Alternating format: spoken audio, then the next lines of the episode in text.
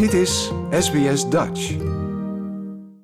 Maaike, jij bent hier de consul in Sydney, alweer bijna een jaar. We hebben afgesproken om elkaar aan te spreken met je en niet de uwe. Ehm, wil je iets vertellen over jezelf? Waar zat je bijvoorbeeld voordat je naar Sydney kwam? Ja, zeker. Ja, ik heb een uh, consulaire immigratieachtergrond. Dus ik ben mijn loopbaan begonnen bij de Immigratie- en Naturalisatiedienst in Nederland. En vervolgens ben ik in 2006 begonnen bij het ministerie van Buitenlandse Zaken. En ik heb gewerkt op de Nederlandse ambassades in Kiev, in Oekraïne, Accra, Ghana en Londen, Verenigd Koninkrijk. En daarna heb ik nog zeven jaar gewerkt op het ministerie van Buitenlandse Zaken in Nederland. En nu ben ik dus uh, in Sydney. Ja, is dat dan uh, iets wat onverwachts kwam? Dat je in één keer uh, gevraagd werd, wil je naar Sydney toe? Of hoe werkt dat? Ja, tegenwoordig uh, kun je zelf solliciteren. Dus je kunt zelf kiezen of je in Nederland wilt blijven of toch in het buitenland werkzaam wilt zijn. En ehm, ja, wij vonden het na zeven jaar wel weer eens tijd om, om naar het buitenland te vertrekken. dus toen ik de vacature voor Sydney zag, werd ik meteen enthousiast en heb ik gesolliciteerd. Ja, en wat trok je dan aan Australië? Ik heb ook wel heel erg gekeken naar de functie. Dus ik laat me niet alleen leiden door een prachtig land. Dus wat ik leuk vind aan, aan het werken in Sydney op een consulaat-generaal, is dat je met een klein team heel veel verschillende werkzaamheden doet. Ik hou me bijvoorbeeld bezig met consulaire zaken, met intern management, maar ook met economische samenwerking. En daarbij is het natuurlijk een, prachtig land om te ontdekken. een westers land en ook een, een land waar tieners, want ik ben hier met twee tieners op een leuke manier kunnen opgroeien. Ja, wat is je indruk zo ver en ook van de Nederlandse community in Australië? Is die heel anders dan de, de Nederlanders in Nederland? Ik denk wel dat er altijd verschil zit tussen Nederlanders in Nederland en Nederlanders in het buitenland. Uh, wat je sowieso natuurlijk merkt is dat Nederlanders in het buitenland het leuk vinden om elkaar op te zoeken.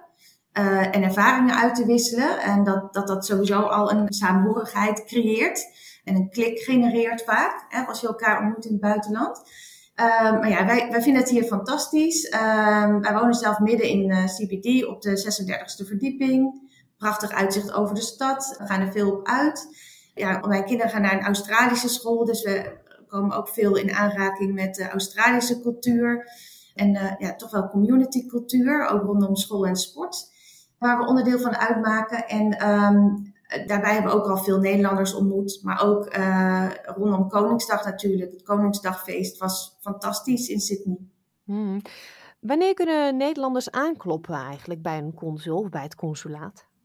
Ja, voor consulaire diensten kunnen Nederlanders in eerste instantie een afspraak maken met uh, mijn collega's van de consulaire afdeling. Zelf laat ik vaak optieceremonies. Dat zijn ceremonies waarbij mensen het Nederlanderschap verkrijgen. Ik ga vaak ook mee naar, uh, naar steden als Perth en Melbourne uh, voor monitoringsbezoeken van onze externe dienstverleners. Dan ga ik ook altijd graag in gesprek met Nederlandse klanten om van hen te horen hoe ze onze dienstverlening ervaren. En naast consul ben ik ook plaatsvervangend consul-generaal en onderdeel van het economisch team. Uh, dus we nodigen voorzitters van Nederlandse verenigingen bijvoorbeeld graag uit om op de koffie te komen. Uh, maar ook Nederlandse bedrijven die met ons van gedachten willen wisselen over de economische ontwikkelingen of kansen in Australië.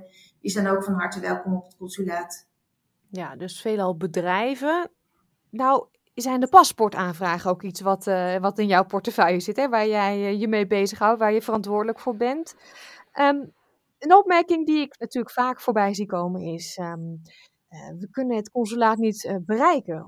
Want we hebben vragen, we moeten iets verlengen of zo. Hè? Maar ik kan geen telefoonnummer vinden, want als ik ze bel, kom ik in Nederland uit. Waarom is dat eigenlijk? Ja, in 2005 is er een 24-7 contact center opgericht op het ministerie van Buitenlandse Zaken in Den Haag. Dat is eigenlijk om de dienstverlening bereikbaarheid te ver verbeteren.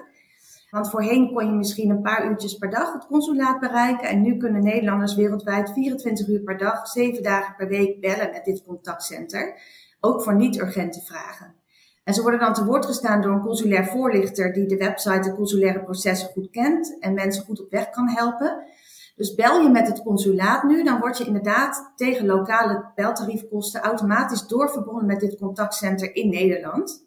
En als er dan actie nodig is van de consulair medewerkers in Sydney, bijvoorbeeld bij Nederlanders in nood die consulaire bijstand nodig hebben, dan wordt het telefoontje alsnog doorgezet naar de consulair medewerkers in Sydney. Mhm. Maar hebben ze vragen over, ik heb die, die papieren nodig of niet? Of de, um, de stempel die op een uh, certificaat moet?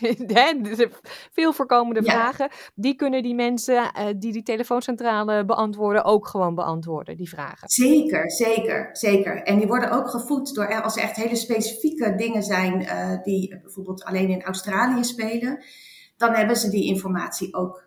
Ja. Um, en alleen hele bijzondere vragen, de derde lijnsvragen zoals we dat noemen, die worden nog wel eens doorgezet naar Sydney ja. voor verdere afhandeling. Anders ja. zijn jullie natuurlijk ook veel te druk met telefoontjes beantwoorden. Ja, dit is gewoon veel efficiënter gebleken. Ja, en uh, wat betreft paspoorten, hè, een veel gehoorde klacht is dat mensen lang moeten reizen om dat paspoort te verlengen. En daar is de afgelopen tijden wel verandering in gekomen. Hè. In uh, Perth is een paspoortenloket en in Melbourne ook. Maar mensen in Adelaide, Brisbane, Darwin of in rural gebieden, die moeten nog steeds ja, grote, grote reis, kostbare reis ook uh, maken om, om dus dat paspoort te kunnen verlengen. Gaat dat in de toekomst nog makkelijker worden, bijvoorbeeld digitaal? Ja, nou er wordt wel gewerkt aan verdere uh, digitalisering van het, van het paspoortaanvraagproces hè, door de ministeries van Binnenlandse Zaken en Buitenlandse Zaken in Nederland. Maar voorlopig wordt het nog niet veilig genoeg geacht om dat hele proces online te laten plaatsvinden. Dus voorlopig blijft het nog wel nodig om in persoon te verschijnen en brondocumenten, de originele brondocumenten te laten controleren aan de balie en om vingerafdrukken aan de balie op te nemen. Maar uh, ja, om die Nederlanders die ver uh, van het consulaat vandaan zitten, toch goed te kunnen helpen, organiseren we ook door het jaar heen verschillende pop-up paspoortdesks. En met name is dat in Canberra, Adelaide en Brisbane. Maar dit jaar gaan we ook een belangstellingsregistratie doen. Die zetten we begin juli uit. Om te kijken of er ook in andere steden voldoende Nederlanders zijn die zo'n eh, bezoek rendabel maken. Dus als er voldoende Nederlanders zijn in andere steden, dan kunnen we daar ook naar kijken.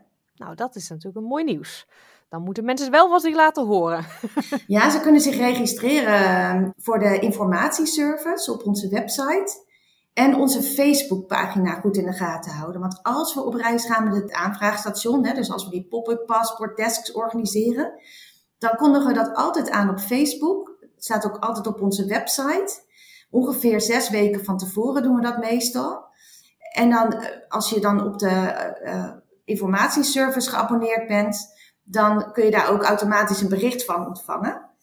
En eens even kijken wanneer we dit jaar weer komen. Uh, dat hier op rij heb. We komen in ieder geval dit jaar zeker nog een keer in, um, in Adelaide en Brisbane. Dus ik zou zeggen, hou, um, hou de informatie goed in de gaten. Ja, hou die site inderdaad goed in de gaten. En ik zal ook linkjes op onze website www.sbs.com.au Dutch zetten. Zodat mensen makkelijk de website kunnen vinden en de Facebookpagina. Nou komt er binnenkort een groot evenement naar Australië en Nieuw-Zeeland, het WK voetbal voor vrouwen. Gaan jullie daar nog wat mee doen? Ja, we hebben uh, onlangs twee nieuwe kanalen gelanceerd. Een nieuwe Facebookpagina, Orange Fans All slash Nieuw-Zeeland. Dus misschien kun je die link ook op de website vermelden. En een Instagram page. En uh, daarin uh, proberen we alle Nederlanders in Australië en Nieuw-Zeeland te informeren over um, ja, events uh, waar Nederlanders ook uh, aan deel kunnen nemen. Nou, de groepswedstrijden vinden plaats in Nieuw-Zeeland. En we hopen natuurlijk dat de Oranje Leeuwinnen het heel goed gaan doen en dat ze daarna hun wedstrijden in Australië komen spelen. Dus de, de eerste wedstrijd in Australië zou dan zijn op 6 augustus.